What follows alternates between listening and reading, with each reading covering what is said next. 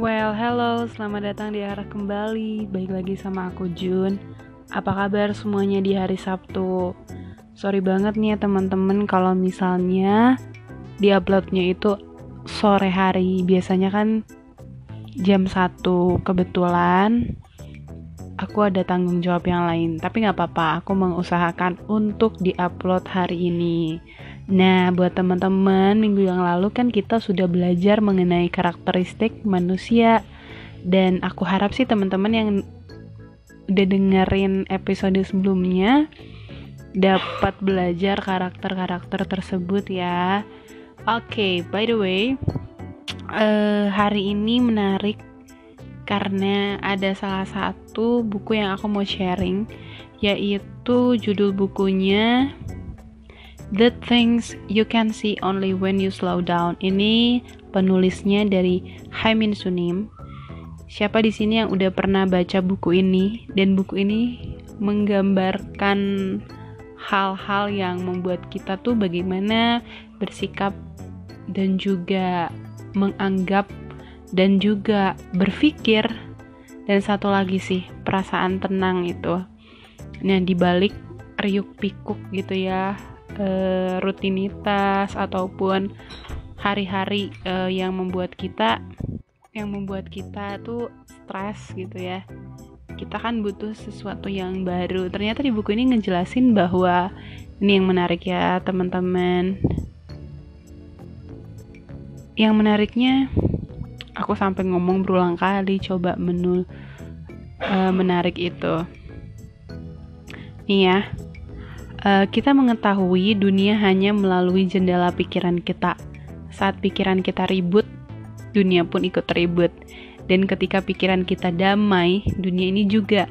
Jadi salah satu aku berpikir bahwa pikiran kita tuh suka kita sendiri yang buat mengganggukan gitu kan.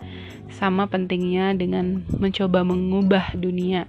Jadi kalau misalkan kita mau melihat sudut pandang gitu ya kita mau belajar dari pikiran kita dulu itu baru langsung ke action gitu. Um, lanjut ya. Um, oke. Okay. ini juga. Jadi aku mau ngebahas ini jadi tiga part seperti biasa. Ini jadi part pertama dan sebagai pembuka dulu nih. Harusnya kan aku ngebahas tentang the alpha female Alpha Woman itu salah satu buku juga yang lagi hype. Dan penulisnya juga sama. Penulis buku filosofi teras. Buat kalian yang belum baca yuk kita bisa baca karya kak Henry Manpiring kalau nggak salah ya. Aku agak lupa nama penulis depannya gitu ya. Tapi belakangnya Nampiring kalau nggak salah gitu Nah, balik lagi ke buku ini. Ketika kamu memiliki perasaan yang tidak menyenangkan, jangan pegang dan balikan berulang-ulang. Tapi biarin aja itu mengalir. Gelombang emosi secara alami akan surut dengan sendirinya selama kamu nggak memberinya makan dengan memikirkannya. Oke, kadang kalau misalkan kita punya perasaan yang lagi nggak enak gitu ya, kesel, marah gitu kan.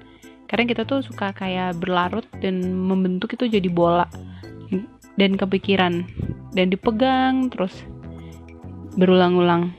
Padahal di buku ini ngajarin supaya gelombang emosi itu bakalan ada surutnya dengan sendiri. Kalau misalkan kita nggak ngasih um, ibaratnya minyak gitu ya, minyak itu kita mau kasih api nih. Ya tambah gede dong nanti. Ya kan? Korek api gitu bisa jadi uh, besar sekali apinya. Oke. Okay. nah di sini juga ngajarin supaya kita, jika kita tidak bisa mengubah situasi yang buruk bahkan setelah banyak upaya kita harus mengubah cara kita melihat situasi. Bandingkan situasi kita dengan seseorang yang lebih buruk, sekarang milikmu tampaknya tidak terlalu buruk gitu kan kayak kita sering juga sih ngelihat dan membandingkan diri kita dengan yang lain tapi kalau misalkan kita diem dan evaluasi gitu ya kita bakalan kayak oh ternyata jauh ada juga ya masalah orang lebih lebih buruk gitu ya lebih uh, dalam lagi gitu masalahnya gitu daripada kita gitu. Nah saat kamu stres atau aku stres atau kita stres waspadalah terhadap stres kamu. Saat kamu kesel waspadalah terhadap iritasi kamu.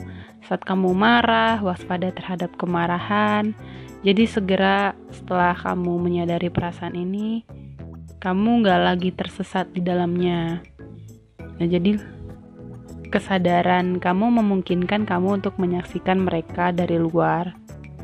Kesadaran pada dasarnya itu murni, seperti langit terbuka. Nah, stres, iritasi, ya, marah. Sebenarnya ini lebih ke iri sih. Stres, iri, kemarahan untuk sementara dapat mengaburkan langit. Bikin langit kan cerah gitu, tiba-tiba kabur dengan perasaan-perasaan tersebut jadi emosi negatif datang dan pergi seperti awan, tetapi langit terbuka lebar, tetap ada. Perasaan itu ada, tapi ya seperti awan tadi, bisa datang dan pergi. Seperti racun yang perlahan memenuhi tubuh kita. Kalau marah, putus asa, sedih, kecewa, dan berbagai macam gitu ya. Menumpuk tuh di hati kita, kita harusnya ngelakuin sesuatu. Dengan cara apa? Mungkin kita bisa merenungkan dengan meditasi olahraga bicara ke mentor atau ke kakak yang mungkin kamu percayakan. Terus juga ke orang-orang yang kamu kasihi gitu. Saat kita mulai berusaha itu racun-racun mulai kehilangan gitu ya apakah e, momen-momen kenangan itu menyebabkan kamu sakit jadi diajarin juga untuk berlatih di saat ini gitu. Jadi alihkan perhatian kamu ke sini dan sekarang. Perhatikan bahwa pikiran kamu tuh mereda ketika kamu fokus sama saat ini. Saat pikiran kamu tenang, begitu juga sama momen atau kenangan gitu. Karena ingatan pada dasarnya tuh pikiran. Oke. Okay. Terus eh uh, dilema yang sekarang tuh kan kita banyak media sosial gitu ya terus terlalu banyak pilihan juga e, membuat orang juga nggak bahagia juga gitu ya di buku ini nah apakah kamu merasa bingung katanya atau punya konflik? Biarinlah diri kamu tuh istirahat. Karena pentingnya istirahat adalah kalau misalnya kita mau istirahatkan badan kita itu besok pagi kita akan ngerasa kayak ya udah kalau ada masalah oke lah kita mulai lagi dengan uh, yang baru hal yang baru gitu. Bisa melewatinya hmm oke okay, selanjutnya ya uh, kita kan punya rasa untuk cinta ya. Dengan cinta di hati kita, kita bisa loh menemukan hal-hal yang hal-hal yang indah gitu ya. Dengan cinta di hati kita juga bisa menjadi lebih lembut, lebih baik gitu ya. Kalau misalnya tanpa cinta di hati kita tuh kita melihat dunia ini nggak berarti, acak gitu ya kalau kita terbuka sama orang lain, kita berani menjadi uh, jujur dan ketika kita punya niat baik terhadap orang lain, kita juga berniat untuk bahagia dan terhubung gitu. Oke, sekarang coba teman-teman arah kembali. Boleh tutup mata sambil tarik nafas. Dan ini kalimat yang diucapkan dari buku ini.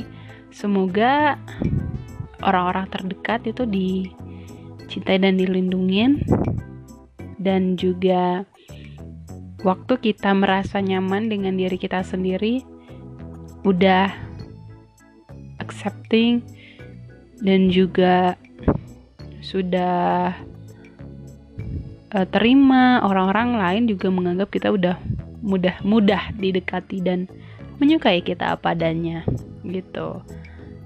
Dan bisa melihat sifat asli kita di luar tubuh label. Jadi ada sungai kelembutan di luar stereotip ada lembah terbukaan di luar ego ada kasih sayang Nah, mungkin segitu dulu aja yang mau aku sharing di part 1 kali ini di episode 19.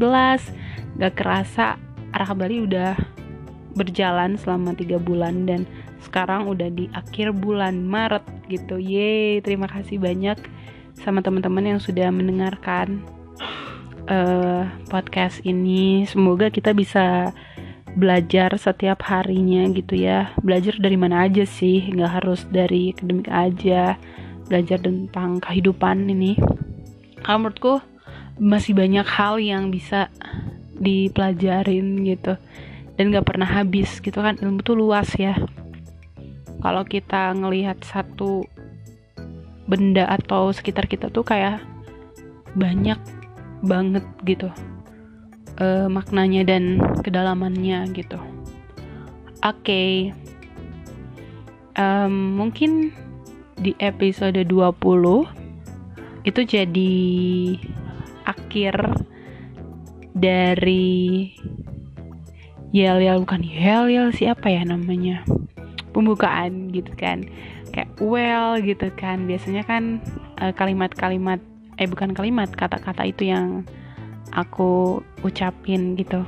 Mungkin akan ada dirombak lagi nanti tungguin aja di bulan April. Kita punya ruang baru lagi. Yeah oke okay, thank you teman-teman yang udah dengerin. Ya kembali lagi dengan uh, quotes favoritku. If you stop learning you stop growing. Bye